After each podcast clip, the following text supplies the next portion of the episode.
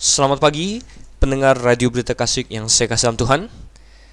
Bagaimana kabar Anda? Saya harap sepanjang hari ini Anda telah disertai dengan Tuhan, Anda telah melakukan aktivitas dengan sebaik-baiknya, dan kini menjelang penutupan hari, Anda siap untuk merenungkan firman Tuhan dalam acara kita Mutiara Kebenaran.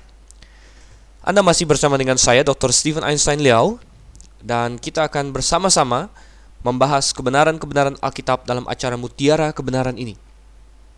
Acara ini diberi nama Mutiara Kebenaran karena acara ini mengutamakan kebenaran di atas segala-galanya. Dan kebenaran itu dianggap sebagai sesuatu yang sangat berharga, bagaikan mutiara. Mutiara yang disinggung oleh Tuhan Yesus ketika dia memberikan perumpamaan tentang seorang yang menemukan mutiara yang berharga. Sedemikian berharga sehingga ia rela menjual segala harta miliknya untuk mendapatkan mutiara tersebut. Saudara, kebenaran memang adalah sesuatu yang mahal. Di dalam Amsal 23 ayat 23, Tuhan berkata, "Belilah kebenaran dan janganlah menjualnya." Belilah kebenaran dan janganlah menjualnya, kata Tuhan. Nah, sungguh, ini adalah suatu ajakan yang benar-benar harus kita taati. Mutiara kebenaran. Dan kita akan membahas, saudara, kitab keluaran, karena kita ada dalam kitab kita yang kedua, Mutiara Kebenaran Kitab Kejadian, sudah rampung dan selesai. Kini kita masuk ke dalam Mutiara Kebenaran Kitab Keluaran. Dan kita ada pada sesi yang kedua sehingga kita akan membahas pasalnya yang kedua.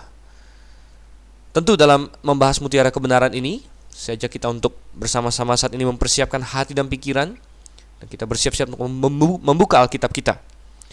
Tentunya saya akan membacakan ayat-ayat yang kita renungkan tetapi untuk mendapatkan hasil maksimal dari acara ini hendaknya tiap-tiap pembaca juga memiliki Alkitab untuk dia baca. Tentu kalau Anda sedang mengemudikan kendaraan atau sedang dalam suatu pekerjaan lain yang tidak bisa Anda tinggalkan tetapi Anda bisa mendengarkan radio, saya bisa maklum kalau Anda tidak bisa membuka Alkitab, tapi kalau Anda sedang di rumah dan ada Alkitab dekat Anda, Anda bisa membukanya dan merenungkannya bersama-sama dengan saya. Mari kita buka saat ini keluaran pasalnya yang kedua. Dan sebelum kita masuk lebih jauh, kita akan berdoa dulu kita akan minta pertolongan Tuhan untuk membimbing kita.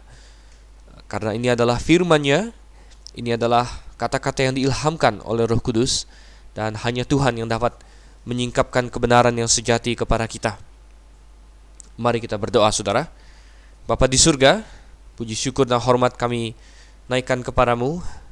Sungguh agung Engkau karena Engkau adalah Allah yang maha kasih, Engkau adalah Allah yang maha tinggi mengatasi kami, tetapi juga maha hadir di antara kami. Kami mohon pimpinanmu ketika kami merenungkan firmanmu ini, agar kami dapat mengertinya dan kami dapat bahkan menerapkannya dalam kehidupan kami sehari-hari. Pimpinlah Tuhan, semua ini kami landaskan dalam doa kepadamu dalam nama Yesus Kristus saja, Tuhan dan Juru Selamat kami yang hidup. Amin. Keluaran pasal yang kedua ini melanjutkan keluaran pasal yang pertama. Sebagaimana judul dari kitab ini adalah kitab Keluaran, tetapi ini adalah judul yang diberikan uh, oleh Alkitab-Alkitab terjemahan. Dalam Alkitab bahasa asli, dalam bahasa Ibraninya, orang Ibrani memiliki kebiasaan untuk memberi nama kitab sesuai dengan kata pertama dari kitab tersebut. Oleh karena itu dalam kitab Kejadian dalam bahasa Ibrani kata pertama adalah Bereshit atau pada mulanya. Pada mulanya Allah menciptakan langit dan bumi. Jadi dikatakan di situ Bereshit bara ha Elohim. Sehingga kitab Kejadian dalam bahasa Ibrani disebut Bereshit atau pada mulanya. Sedangkan kitab Keluaran dimulai dengan kata-kata wa ele shemot dan inilah nama-nama sebagai singkatnya, orang Ibrani atau orang Yahudi sering menyebut ini kitab Shemot atau nama-nama. Jadi kita menyebutnya kitab keluaran, orang Ibrani menyebutnya kitab Shemot, kitab nama-nama. Kita menyebutnya kitab keluaran atau Exodus dalam bahasa Inggris karena kitab ini adalah kitab yang menceritakan bagaimana orang Israel keluar dari tanah Mesir. Mereka yang telah menjadi budak di sana sekian lama, mereka keluar. Dan ini juga merupakan lanjutan dari kitab Kejadian di mana akhir kitab kejadian kita lihat bagaimana keluarga Yakub masuk ke Mesir menjadi orang-orang yang sangat dihargai di sana tetapi bagaimana dan sampai kenapa mereka sampai harus keluar dari Mesir pasal 1 menjelaskannya bagaimana mereka beranak cucu bagaimana Firaun dan orang Mesir takut kepada mereka dan bagaimana akhirnya bangsa Mesir memperbudak orang Israel dan memberikan mereka kesusahan dan membuat hidup mereka pahit dengan pekerjaan-pekerjaan berat. Tetapi Tuhan beserta mereka menolong mereka dan tetap membuat mereka beranak cucu dengan banyak. Akhirnya akhirnya orang-orang Mesir bahkan membuat keputusan yang sangat kejam yaitu mereka mencoba bahkan untuk membunuh berbagai anak laki-laki dari orang Israel dan inilah yang menjadi latar belakang masuk kepada ayat yang kedua bagaimanapun juga kitab keluaran yang ingin menceritakan tentang keluarnya orang Israel dari Mesir, dia harus pertama-tama menceritakan mengapa orang Israel ada di sana. Itu ada di pasal 1. Dia harus menceritakan mengapa orang Israel perlu keluar dari Mesir. Itu ada di pasal 1 juga. Yaitu bahwa mereka ditindas dengan amat sangat di sana. Kemudian yang ketiga, mereka perlu menceritakan tentang orang yang akan dipakai Tuhan membawa mereka keluar dari Mesir. Dan itulah yang akan kita mulai dari pasal 2 ini. Kita akan berbicara mengenai seorang tokoh yang Tuhan persiapkan, tokoh yang luar biasa, tokoh yang akan menjadi tokoh sentral di dalam perjanjian lama, tokoh yang akan sangat dihargai oleh orang Yahudi sepanjang zaman, tokoh yang tidak asing lagi bagi kita yaitu Musa.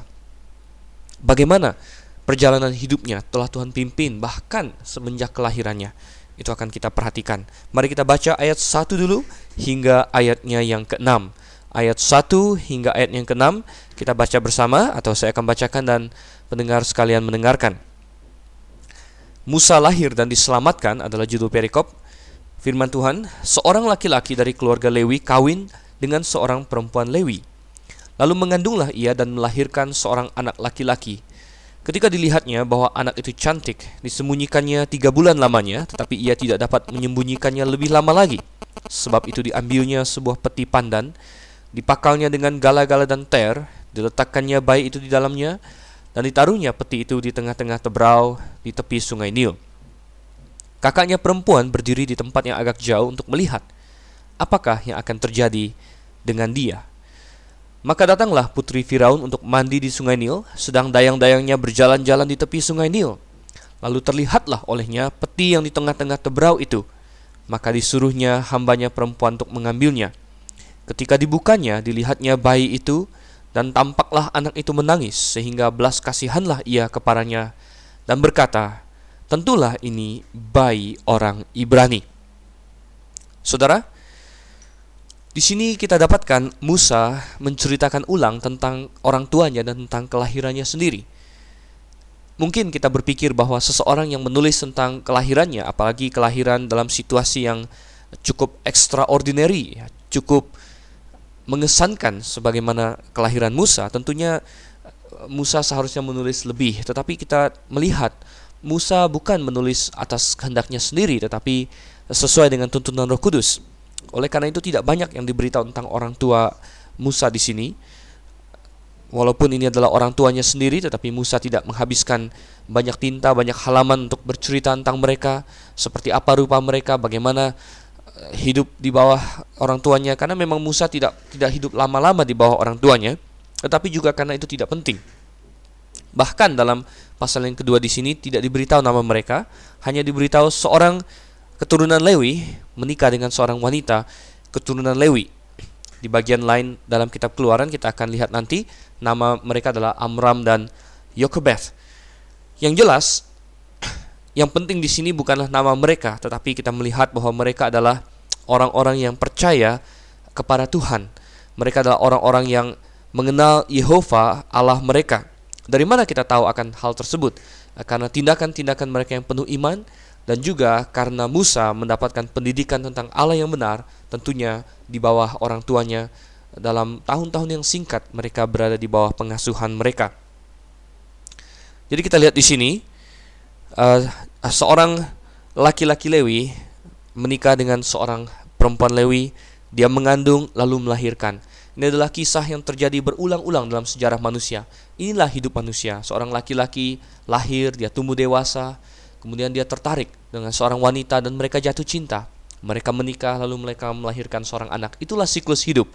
Dan ya, siklus hidup inilah yang Tuhan ingin terjadi dalam kehidupan manusia ketika dia pertama kali membuat institusi keluarga. Ya, ketika dia memperkenalkan Hawa kepada Adam dan Adam berkata inilah daging dari dagingku dan tulang dari tulangku. Itulah unit yang telah Tuhan bentuk, unit keluarga. Dari situlah Tuhan ingin kebenarannya diteruskan dari ayah ke anak. Bagaimana orang tua dipercayakan oleh Tuhan seorang anak yang polos, yang bisa mereka bentuk untuk menjadi seorang yang takut akan Tuhan. Tetapi saudara kita melihat pada zaman ini serangan iblis sedemikian dahsyat kepada unit keluarga ini. Dia begitu benci kepada keluarga dan dia berusaha untuk menghancurkan keluarga. Dia menghancurkan keluarga lewat anggota-anggota keluarganya dia mencoba untuk uh, memutarbalikkan peran keluarga di mana Alkitab telah menaruh bapak, ayah, laki-laki sebagai pemimpin keluarga dan istri sebagai penolong yang sepadan dengan dia. Sepadan, Saudara, uh, tidak dalam martabat yang lebih rendah, sepadan, tetapi adalah penolong, bukan pemimpin. Pemimpin tetap adalah uh, sang suami, tetapi iblis memutarbalikkan ini. Iblis ingin menghancurkan ini sehingga dia menyulut api pemberontakan di hati banyak perempuan pada zaman ini.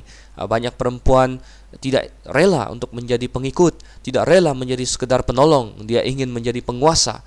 Dia ingin mengontrol suaminya, dia ingin menjadi yang membuat keputusan, dia ingin menjadi yang uh, nomor satu, numero uno, saudara. Uh, dan gerakan feminim, feminisme, dan ini adalah suatu gerakan yang sungguh disalah namakan kalau saya bilang karena apa? disalahnamakan uh, karena sama sekali tidak feminim. Ini adalah gerakan yang mengingkari jati diri wanita, uh, di mana mereka menuntut bahwa laki-laki dan wanita uh, harus memiliki posisi yang sama. Tidak demikian, saudara. Tidak mungkin ada dua pemimpin. Martabat laki-laki dan wanita adalah sama. Alkitab dengan jelas mengatakan dalam Kristus tidak ada laki-laki dan tidak ada wanita, tetapi tetap dalam keluarga dalam Efesus pasal 5 dikatakan, "Hai suami, kasihlah istrimu sebagaimana Kristus mengasihinya." Hai istri katanya, ah, tunduklah kepada suamimu sebagaimana jemaat tunduk kepada Kristus. Dan ini ingin dihancurkan oleh iblis. Betapa banyak wanita-wanita yang hari ini berpikir bahwa mereka hebat ketika mereka mengalahkan suami mereka, yang berpikir mereka adalah luar biasa kalau mereka ah, tidak menuruti firman Tuhan tetapi itu adalah kehancuran dan banyak keluarga kacau balau, anak-anak terlantar justru karena tidak ada tatanan Alkitabiah bahwa uh, suami adalah kepala keluarga, mengasihi istrinya dengan sepenuh hati. Istri adalah penolong yang tunduk kepada suaminya dengan sepenuh hati. Uh, saudara dan gereja ternyata gereja yang seharusnya mengajarkan kebenaran ini, gereja yang seharusnya memelihara keluarga, justru banyak yang hari ini menghancurkan keluarga. Mengapa saudara? Oh, mereka menghancurkannya dengan dengan cara yang sangat halus, dengan ketidakkonsistenan mereka, dengan ketidaktaatan mereka akan firman Tuhan. Kalau kita buka dalam 1 Timotius pasalnya yang kedua, di sana kita lihat peran laki-laki dan wanita. Uh, jelas bahwa Paulus mengajarkan posisi kepemimpinan dalam jemaat adalah pada laki-laki, saudara. Mengapa? Karena ini sinkron dengan keluarga. Di mana di keluarga, suami adalah kepala dari rumah tangga, kepala dari istri. Maka di jemaat pun harus demikian. Mana mungkin, oh, di rumah suaminya adalah pemimpin, tetapi nanti di gereja istrinya jadi pemimpin, jadi gembala sidang. Itu tidak mungkin. Istrinya yang mengajar, yang mengajarkan firman, itu tidak mungkin, saudara. Alkitab tidak tidak berlaku seperti itu. Allah tidak membuat suatu aturan yang tidak konsisten. Oleh karena itu Allah konsisten. Anda boleh baca 1 Korintus pasal yang ke-11 uh, mengenai peran wanita di situ. Kita melihat lagi uh, 1 Timotius pasal 2 di mana Paulus dengan tegas mengatakan bahwa dia melarang wanita untuk mengajar laki-laki dewasa di dalam pertemuan jemaat dan ini jelas uh, mengacu kepada posisi kepemimpinan, posisi pengajar firman dalam jemaat dipercayakan kepada laki-laki karena jemaat harus merefleksikan uh, susunan dalam keluarga dan banyak jemaat hari ini gagal total mereka telah terseret arus dunia akan feminisme tetapi Grafe, RBK kita ingin terus mengutarakan ini bahwa di dalam jemaat laki-laki yang memegang kepemimpinan, laki-lakilah yang Tuhan tunjuk menjadi gembala sidang, bukan wanita. Laki-lakilah yang telah Tuhan tunjuk untuk menjadi pengajar firman, bukan wanita. Oh, kalau Anda tidak setuju dengan itu, Anda bukan bermasalah dengan RBK, Anda bukan bermasalah dengan Grafe. Anda bermasalah dengan Rasul Paulus yang diinspirasikan Tuhan di dalam suratnya 1 Timotius pasal yang kedua ayat 1 sampai ayat yang ke-8. Silakan Anda baca Saudara. Ah, nah, kita lihat di sini. Ah, sungguh ya, sinkron. Kenapa iblis ingin menghancurkan keluarga? Karena keluarga adalah ah, dasar, unit dasar yang telah Tuhan tentukan. Sebagaimana kita lihat di sini, Musa lahir dari sebuah keluarga. Anda dan saya lahir dari sebuah keluarga dan keluarga yang kacau akan menghasilkan kemungkinan besar anak yang kacau. Tetapi kita lihat keluarga Musa adalah keluarga yang berbakti kepada Tuhan. Uh, rupa-rupanya mereka punya iman kepada Tuhan. Uh, oleh karena itulah Musa bisa punya iman yang demikian kuat kepada Tuhan. Oleh karena itu iblis ingin menghancurkan keluarga biar tidak ada generasi yang akan datang, tidak ada anak-anak yang seperti Musa, yang seperti Daud, yang seperti Timotius yang telah mengenal kitab suci semenjak masa kecil mereka kita lihat bahwa Musa lahir bukan hanya di keluarga yang baik, tetapi Musa lahir dalam suatu kondisi yang mencekam. Kita baru baca di pasal 1 di keluaran itu di sesi yang lalu bahwa Firaun telah mengeluarkan sebuah edik, sebuah aturan bahwa anak-anak lelaki orang Israel harus dibuang ke sungai Nil. Ini adalah aturan yang sangat kejam dan saya yakin bahwa aturan ini tidak dapat bertahan lama, tetapi barangkali Musa lahir pada saat peraturan ini baru diluncurkan belum lama sehingga masih banyak pegawai Firaun yang terpaksa melakukannya. Uh, aturan ini masih diberlakukan dengan ketat. Nah, seperti di Indonesia juga kalau ada aturan baru dilarang merokok misalnya, ya paling hanya sebentar saja ada ada banyak gerakan untuk untuk mencoba menegakkannya tapi lama-lama akhirnya melempem juga begitu ya. Kita dapatkan di sini. Musa lahir dalam kondisi yang mencekam Orang tuanya ketakutan. Oh, ini bukan anak pertama mereka. Kalau kita baca Harun adalah kakak Musa dan Harun tiga tahun lebih tua. Sedangkan dia kita tahu dia punya seorang kakak perempuan juga yang dalam perikop ini tidak disebutkan namanya tetapi kita tahu bahwa namanya adalah Miriam. Bahkan Miriam sudah merupakan seorang gadis yang uh, mungkin gadis kecil, mungkin 10 tahun, 11 tahun, 12 tahun kita tidak tahu. Yang jelas cukup besar untuk dipercayakan oleh ibunya untuk mengintai adiknya yang masih bayi di tebrau sungai Nil di situ. Jadi Musa bukan anak pertama, ah, tetapi dia adalah anak yang lahir pada saat uh, aturan baru ini muncul sehingga orang tuanya kebingungan. Saudara tidak terpikir dalam diri mereka untuk melakukan aborsi. Oh, tidak tidak terpikir dalam pikiran mereka untuk membunuh anak itu. Itu adalah tindakan kejam. Hari ini banyak negara mengizinkan aborsi. Itu adalah pembunuhan, Saudara. Itu adalah pembunuhan. Kita lihat Oh, tentu barang siapa yang melihat seorang bayi akan tersentuh, apalagi orang tuanya sendiri, apalagi ibunya. Apalagi ini adalah bayi yang cantik katanya. Tentu hatinya sangat masgul uh, dan tentunya siang malam dia berdoa kepada Tuhan bagaimana caranya untuk menyelamatkan anak ini. Tentunya aturan Firaun bahwa anak laki-laki Ibrani harus dibuang ke Sungai Nil diberikan dengan ancaman-ancaman yang keras. Barangkali keluarga yang menolak akan dibunuh semuanya. Sehingga uh, pasangan Lewi ini tentunya bergumul berat apakah mereka harus mengorbankan anak yang bungsunya uh, demi mempertahankan hidup satu keluarga, demi anak-anak mereka yang lain yang masih kecil-kecil juga. Harun yang baru saja tiga tahun, Miriam yang mungkin uh, baru mulai menginjak kepada usia-usia uh, seorang gadis Apakah mereka apa yang harus mereka lakukan? Oh, mereka mereka tidak mau berpisah dengan adik mereka, anak mereka yang kecil ini, sehingga mereka menyembunyikan dia tiga bulan katanya. Mereka menyembunyikan dia, tetapi akhirnya uh, Musa semakin besar dan mungkin nangisnya semakin kencang dan uh, Yokobet dan Amram sadar bahwa tidak bisa mereka berlaku seperti ini terus. Mereka pasti ketahuan dan kalau mereka ketahuan, mungkin mereka sekeluarga akan dibunuh. Mungkin anak-anak mereka yang lain yang akan dibunuh juga. Dan uh, mereka tidak dapat mengambil resiko itu. Mereka harus mengambil keputusan. Bayi Musa ini semakin besar dan dia semakin berteriak, menangis dengan kencang. Nah, sungguh ironis, saudara. Nanti ketika dewasa, ketika Musa Tuhan suruh untuk pergi uh, membebaskan umat Israel, Musa akan beralasan kepada Tuhan, "Aku bukan orang yang bisa bicara. Aku seorang yang uh, katanya berat lidah ya. Uh, dan ternyata waktu kecil dia tidak berat lidah saudara. Dia mampu berteriak dengan kencang sampai-sampai orang tuanya takut kehadirannya diketahui. Demikianlah kadang-kadang Eh, kita juga sebagai orang Kristen ketika kita harus menangis berteriak-teriak di hadapan Tuhan kita melakukannya dengan kencang sekali. Tapi ketika kita harus menggunakan lidah kita untuk memuji Tuhan untuk bersaksi untuk pekerjaan Tuhan oh kita banyak alasan oh saya berat lidah oh saya tidak pandai bicara. Tetapi ketika kita harus mengkritik hamba Tuhan ketika kita harus uh, berkeluh kesah, bersungut-sungut, tuh sepertinya lancar saja dan tidak ada masalah. Kita lidah kita dengan lancar uh, merangkai kata-kata hujatan, merangkai uh, kata-kata kekacauan, ya sepertinya seperti itu. Tidak boleh demikian, saudara. Nah, kita kembali ke Musa di sini. Akhirnya orang tuanya mengambil keputusan yang sangat berat. Mereka harus harus menyembunyikannya dengan cara yang lain dan akhirnya uh, barangkali Yokebed berpikir kalau begitu saya akan buang dia ke sungai Nil ya. Karena perintahnya hanya bilang buang ke sungai Nil. Dan eh, saya akan buang dia di sebuah kotak ya. Dan perintah itu tidak bilang harus buang bagaimana, saya buang sebuah kotak dan mungkin Yokebed juga berpikir perintah itu tidak bilang harus buang berapa lama.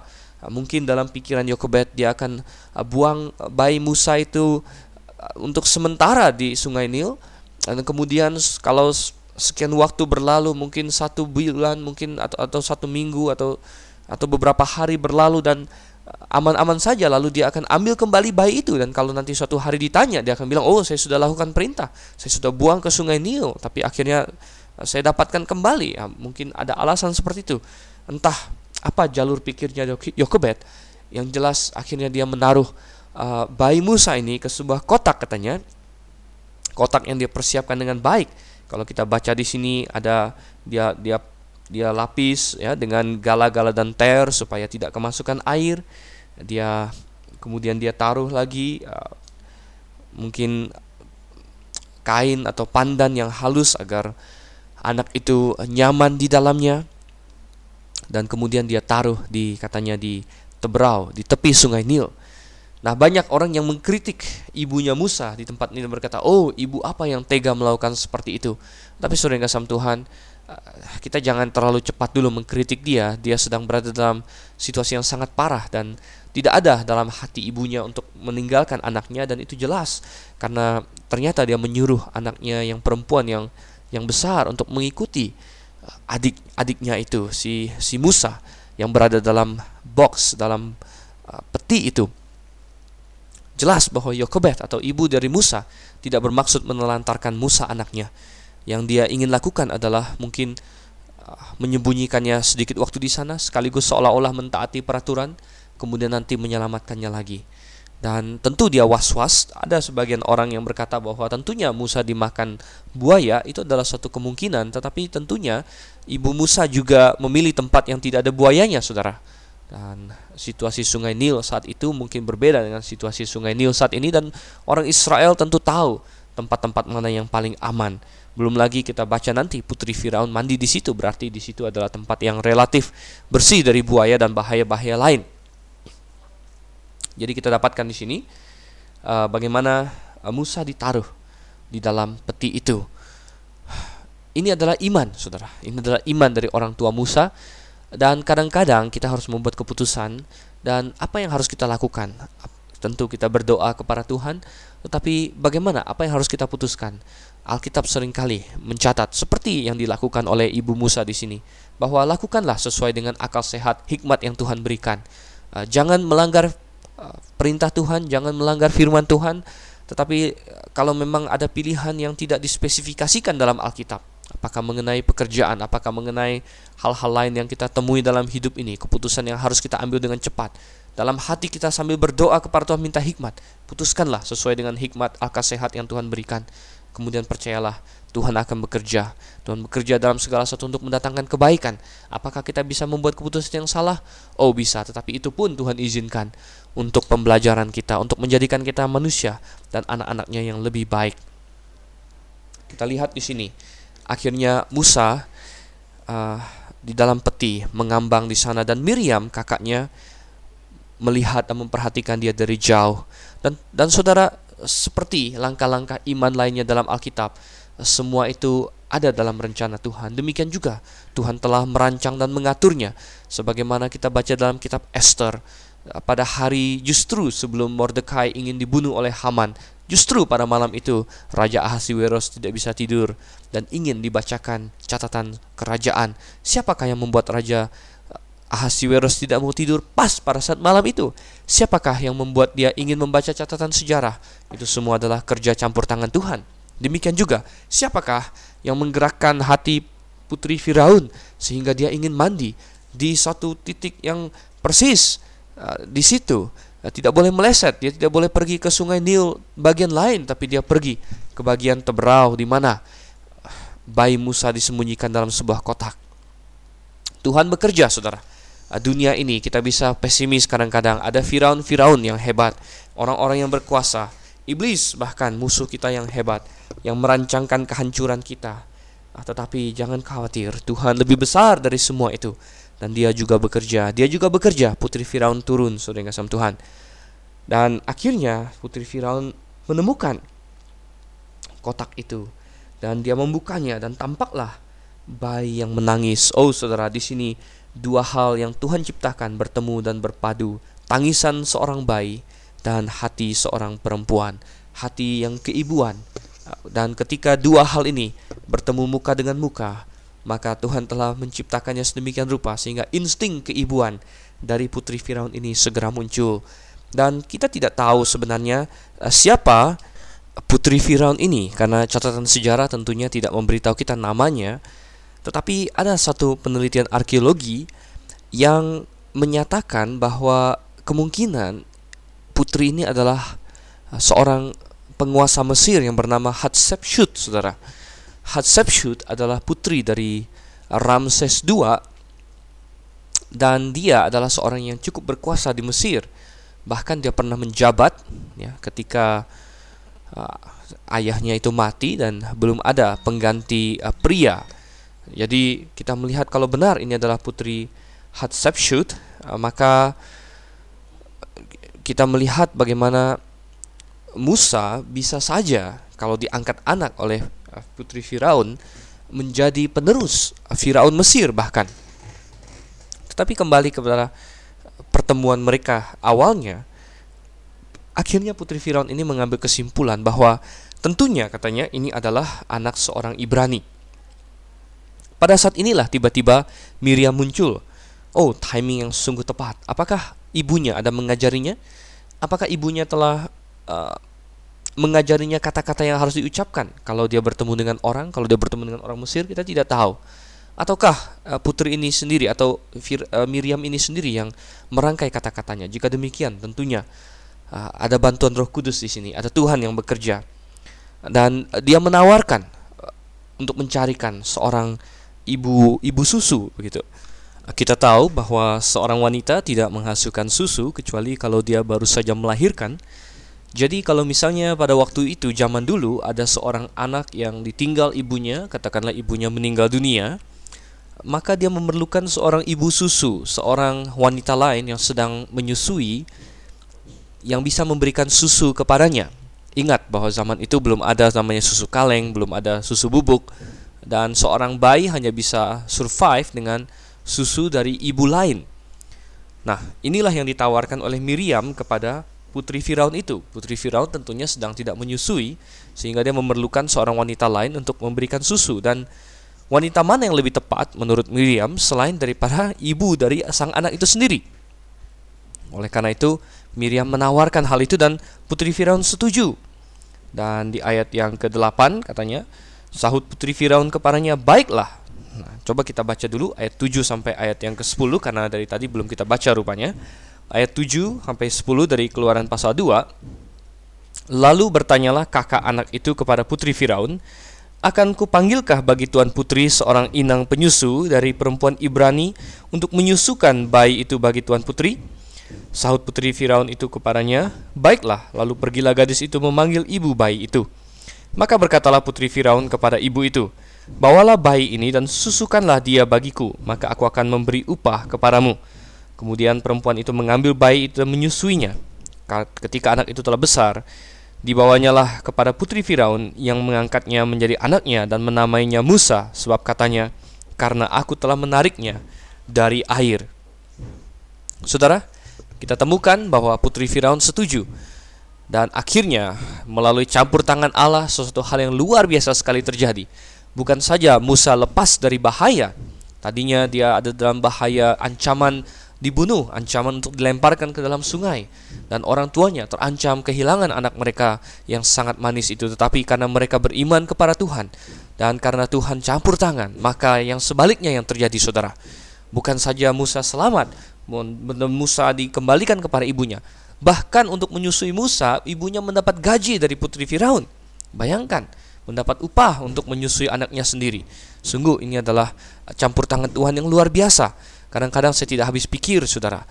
Benarlah kata lagu yang berjudul Hitunglah Berkatmu. Begitu banyak berkat Tuhan dalam hidup kita. Dan kadang-kadang ada orang bermaksud jahat kepada kita. Itu pun bisa Tuhan pakai untuk menandakan kebaikan. Kita masih ingat bagaimana di kitab kejadian ada hal hebat yang Tuhan lakukan di sana. Bagaimana saudara-saudara Yusuf begitu iri, dengki kepada dia sehingga ingin menghancurkannya.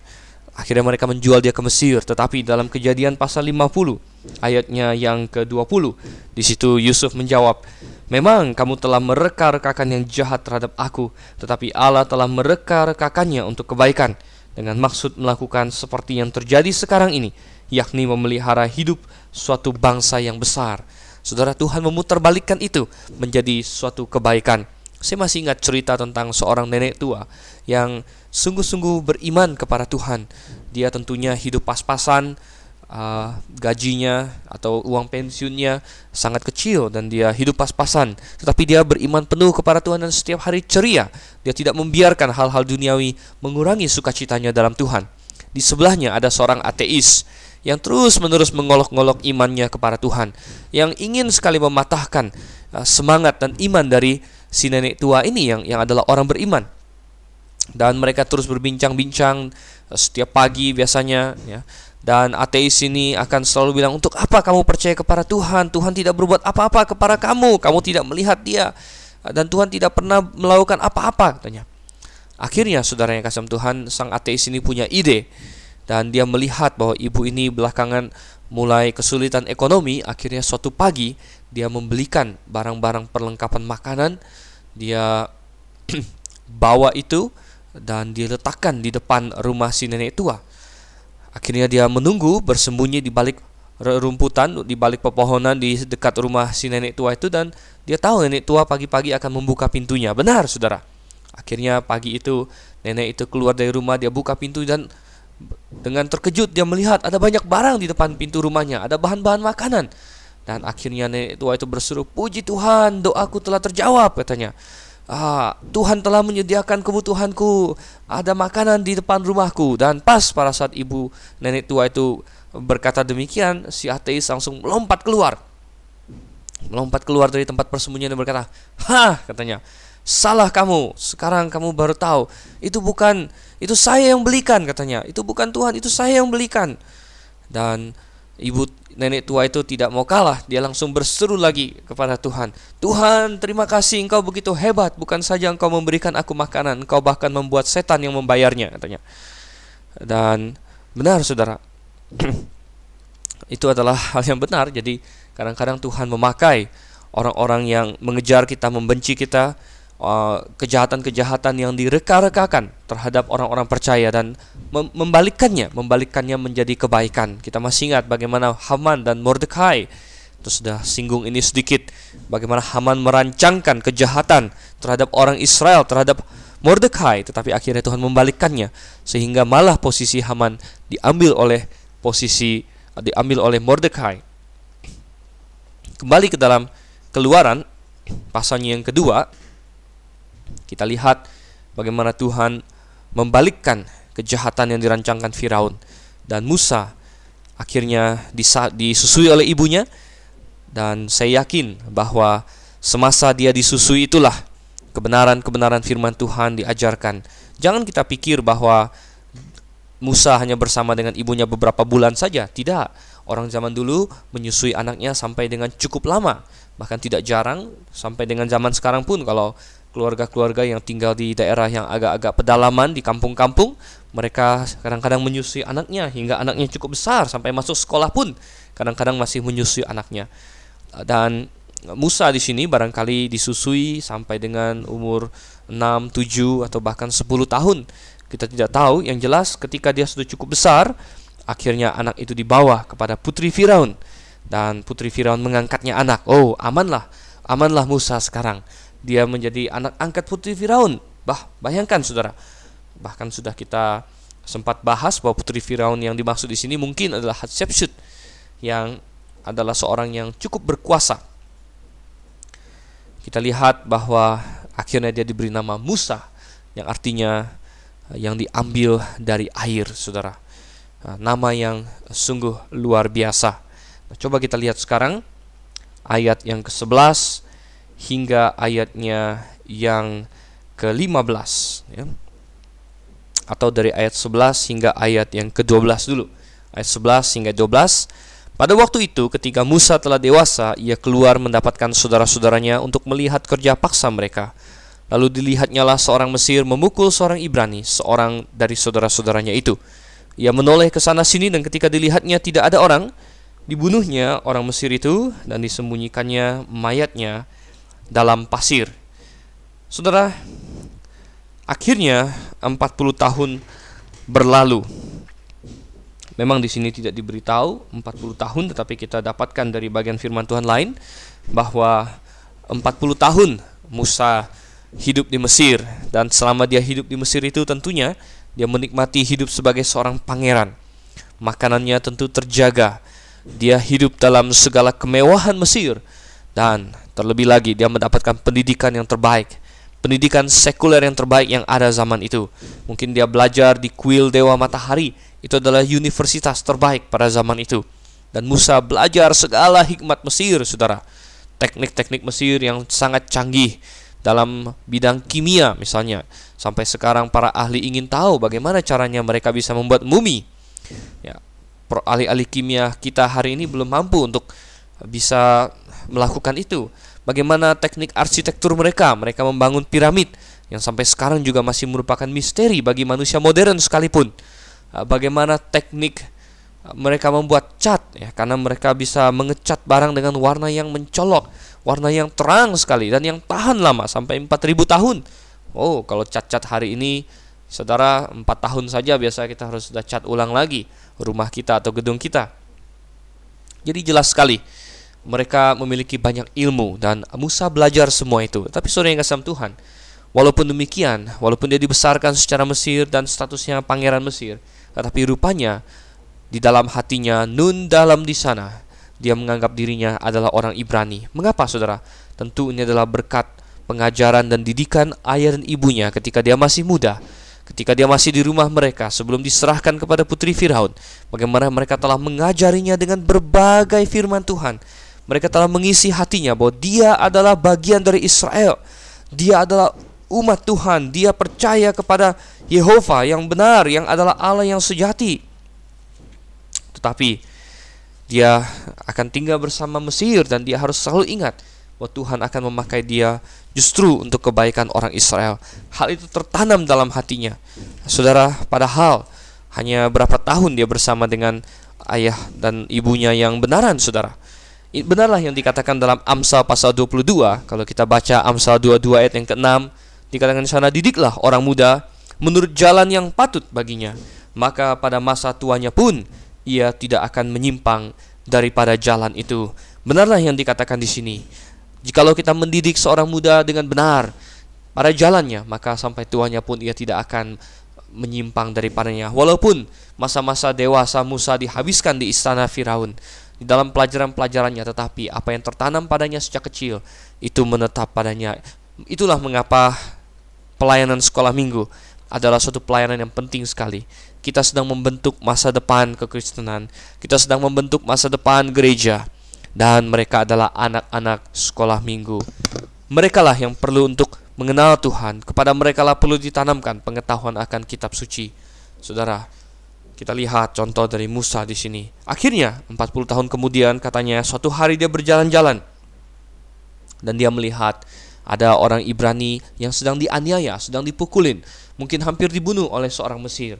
Oh saudara, hatinya rupanya penuh dengan rasa solidaritas kepada umatnya, kepada orang-orang sebangsanya. dan rasa keadilannya muncul, akhirnya dia membunuh orang Mesir itu. Sebenarnya dia tidak punya hak untuk melakukan itu karena kita baca di ayat yang ke-12 dia melihat ke kanan, melihat ke kiri katanya. Dia menoleh ke sana sini. Jadi dia sendiri tahu bahwa apa yang dilakukannya itu adalah suatu hal yang ilegal, tetapi dia melakukannya. Rasa keadilannya dan rasa solidaritasnya tidak salah, tetapi apa yang salah dari Musa di sini adalah kegegabahannya, saudara. Dengan buru-buru dia ingin uh, mengendalikan segala sesuatu, padahal belum waktu Tuhan, belum waktu Tuhan bagi dia untuk bergerak, belum waktu Tuhan bagi dia untuk uh, menyelamatkan orang Israel. Saudara, waktunya belum sampai. Kadang-kadang kita ingin melakukan hal-hal yang sebenarnya baik, tetapi waktunya belum sampai. Eh, dua orang kekasih saling mengasihi misalnya. Oh, tentu mereka ingin saling berbagi, berbagi segala sesuatu, bahkan mungkin berbagi tubuh mereka. Tetapi kalau mereka belum menikah, maka waktunya belum sampai. Dan apa yang baik itu akan menjadi suatu hal yang buruk kalau mereka melakukannya di luar dari waktu. Kadang-kadang saudara, kita bisa ingin melakukan sesuatu yang baik, tapi kalau waktunya salah, maka itu menjadi tidak baik. Apakah itu dalam pelayanan? Apakah itu dalam, oh ada orang yang bilang, oh saya ingin masuk sekolah teologi, tapi dia tidak mau selesaikan SMA. Oh itu adalah suatu kesalahan. Dia harus selesaikan dulu. Belum waktunya. Saudara, Tuhan ingin kita melakukan segala sesuatu dengan benar dan baik, termasuk waktunya. Musa di sini dengan penuh keberanian, idealisme orang muda, mungkin hatinya menggelora, Pikirannya penuh dengan berbagai pengetahuan Mesir, tapi hatinya penuh dengan iman kepada Allah orang Israel. Dan dia merasa benar dan dia ingin segera bertindak, tetapi belum waktunya Tuhan. Mungkin kita berpikir, oh 40 tahun dia sudah dewasa, tentu sudah sudah waktunya untuk dia. Tapi Tuhan beroperasi dalam jangka waktu yang berbeda dengan kita. Kadang-kadang mungkin ada yang tidak tidak tahan, saudara. Oh, saya sudah 30 tahun, saya belum mendapatkan jodoh, saya harus menikah. Tapi Tuhan bilang belum belum. Lalu orang itu uh, asal comot saja uh, mengambil barang siapa yang ditemuinya, akhirnya dia akan menyesal karena mungkin mungkin setelah dia membuat keputusan yang salah akan datang orang yang tepat dalam hidupnya. Tetapi dia telah membuat keputusan yang salah. Saudara jangan membuat keputusan yang salah. Kita baca terus ayat yang ke-13 hingga ayat yang ke-15. Ketika keesokan harinya ia keluar lagi didapatinya dua orang Ibrani tengah berkelahi. Ia bertanya kepada yang bersalah itu, Mengapa engkau pukul temanmu? Tetapi jawabnya, siapakah yang mengangkat engkau menjadi pemimpin dan hakim atas kami? Apakah engkau bermaksud membunuh aku sama seperti engkau telah membunuh orang Mesir itu? Musa menjadi takut sebab pikirnya tentulah perkara ini telah ketahuan. Ketika Firaun mendengar tentang perkara itu dicarinya ikhtiar untuk membunuh Musa. Saudara, setelah dia membunuh orang Mesir itu, dia tentu merasa senang, dia merasa telah berbuat sesuatu untuk bangsanya. Dia merasa inilah saatnya kita akan memberontak. Tetapi kemudian besoknya dia berjalan-jalan dia ketemu dua orang Israel berkelahi. Betapa sedih hatinya dan dia berusaha melerai mereka. Tetapi tanpa dia ketahui, tanpa dia sadari, tiba-tiba orang itu balik menyerang dia. Orang yang bersalah itu balik menuduh dia dengan bertanya, "Apakah engkau mau membunuh aku juga seperti engkau membunuh orang itu kemarin?" katanya. Oh saudara yang kasih dalam Tuhan Betapa itu tentunya membuat Musa shock Tentu matanya membelalak Mungkin dagunya jatuh ke bawah Mungkin tak habis pikir dia Hah? Rupanya ketahuan Dia pikir tidak ada yang melihat Tapi saudara kalau ada orang lain tahu Tentunya bisa saja seluruh dunia tahu Dan benar Ujung-ujungnya Firaun akan tahu Oh ini membuat dia ketakutan saudara Dan dia merasa gagal Gagal saudara Dan dia putus asa Dan dia malah ditolak oleh orang-orang orang-orang sebangsanya, saudara. Ditolak oleh mereka, dia ingin menjadi penyelamat mereka, tetapi orang-orang lalim dari bangsanya berkata, "Untuk apa? Siapa yang mengangkat engkau menjadi hakim atas kami?" Akhirnya dia ketakutan dan dia dia tahu mungkin bahwa Firaun tentu akan membunuh dia. Firaun kesal dengan Musa bukan karena dia membunuh seorang Mesir ya bagi Firaun atau raja-raja zaman itu nyawa seorang bawahan bukan apa-apa. Apalagi status Musa sebagai pangeran dia membunuh orang Mesir membunuh sini situ tidak masalah. Tetapi Firaun sangat sangat sangat marah karena Musa telah menolong bangsa yang adalah musuh bebuyutan orang-orang Mesir. Akhirnya kita lanjutkan ayat 15b dan sampai selesai. Tetapi Musa melarikan diri dari hadapan Firaun dan tiba di tanah Midian. Lalu ia duduk-duduk di tepi sumur di tepi sebuah sumur. Adapun imam di Midian itu mempunyai tujuh anak perempuan. Mereka datang menimba air dan mengisi palungan-palungan untuk memberi minum kambing domba ayahnya. Maka datanglah gembala-gembala yang mengusir mereka. Lalu Musa bangkit menolong mereka dan memberi minum kambing domba mereka. Ketika mereka sampai ke Rehuel, ayah mereka berkatalah ia, Mengapa selekas itu kamu pulang hari ini? Jawab mereka, seorang Mesir menolong kami terhadap gembala-gembala. Bahkan ia menimba air banyak-banyak untuk kami dan memberi minum kambing domba. Ia berkata kepada anak-anaknya, Di manakah ia? Mengapakah kamu tinggalkan orang itu? Panggillah dia makan. Musa bersedia tinggal di rumah itu, lalu diberikan Rehuelah Zipora anaknya kepada Musa. Perempuan itu melahirkan seorang anak laki-laki, maka Musa menamainya Gersom, sebab katanya, Aku telah menjadi seorang pendatang di negeri asing. Kita dapatkan di sini Musa dengan wijaksana lari dari hadapan Firaun. Dia tahu Firaun mengincar nyawanya, dan dia melarikan diri, saudara. Ada kritik-kritik Alkitab yang mengatakan bahwa di sini terdapat ketidakcocokan dengan apa yang dikatakan dalam Ibrani pasal 11. Ibrani pasal 11 ayatnya yang ke-27. Saya bacakan Ibrani 11 ayat 27 karena iman maka ia telah meninggalkan Mesir dengan tidak takut akan murka raja. Ia bertahan sama seperti ia melihat apa yang tidak kelihatan. Saudara, tetapi tidak ada ketidakcocokan karena Ibrani 11 ayat 7 bukan berbicara mengenai Musa meninggalkan Mesir waktu dia berumur 40 tahun. Tetapi Ibrani 11 berbicara mengenai Musa meninggalkan Mesir pada waktu ia berumur 80 tahun. Yaitu kedua kali dia keluar dari Mesir membawa bangsa Israel keluar dari tanah penjajahan mereka. Saudara, kita dapatkan lagi di sini di pasalnya yang kedua bagaimana Musa akhirnya sampai ke tanah Midian. Tanah Midian tentunya berada di sebelah utara dari Mesir, daerah sekitar Arab sana sekarang, saudara. Dan sampailah ia kepada sumur.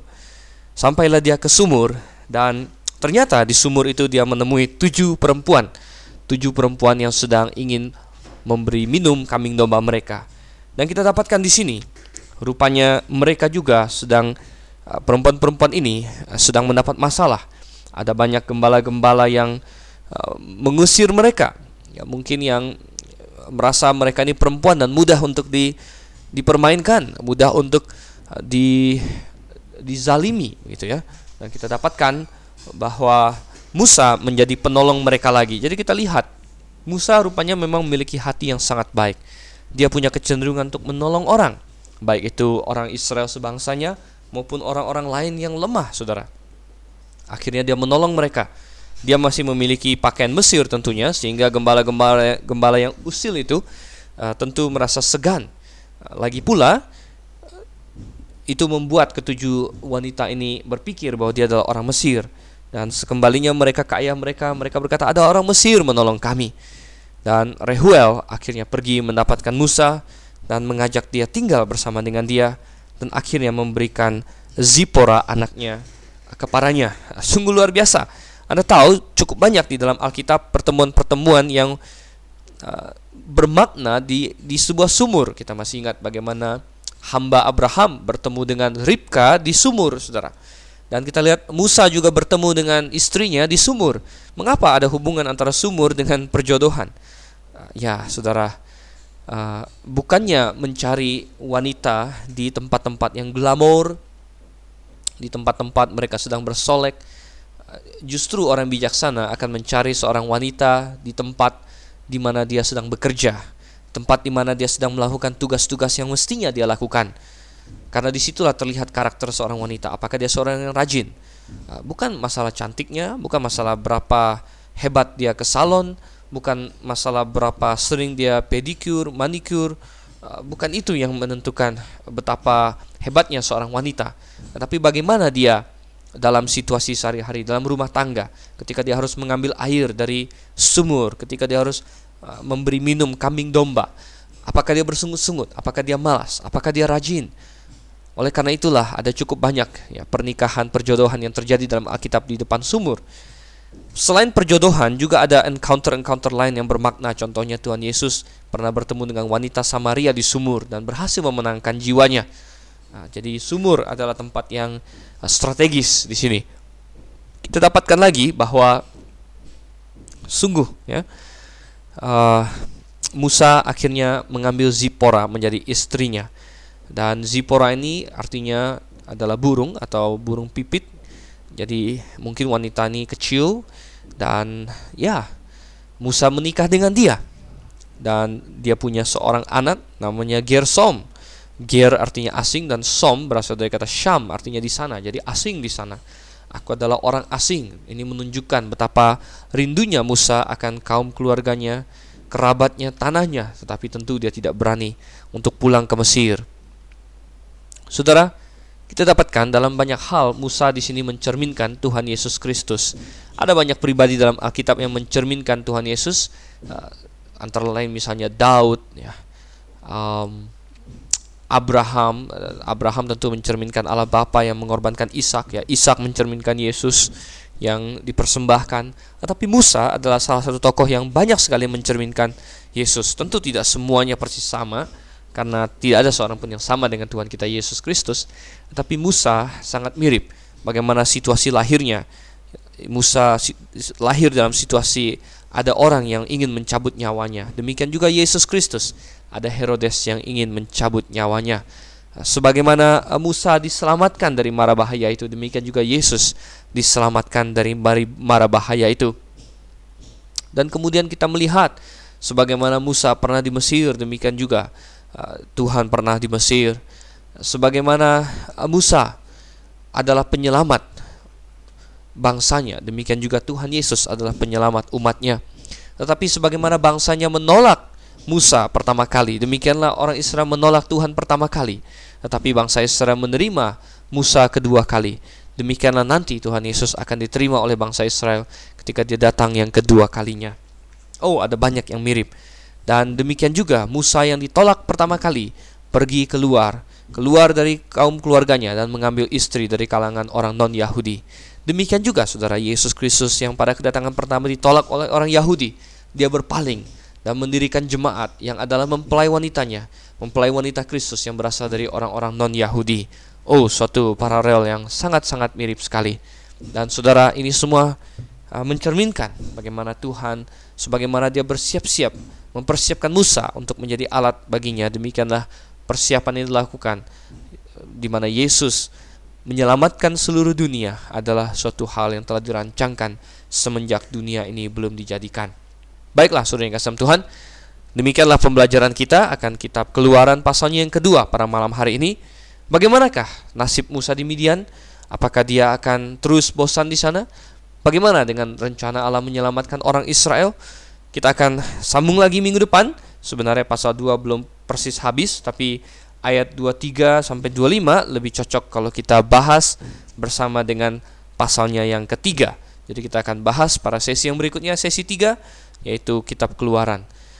Selamat malam, saya undur diri dulu dari hadapan pendengar sekalian. Maranatha.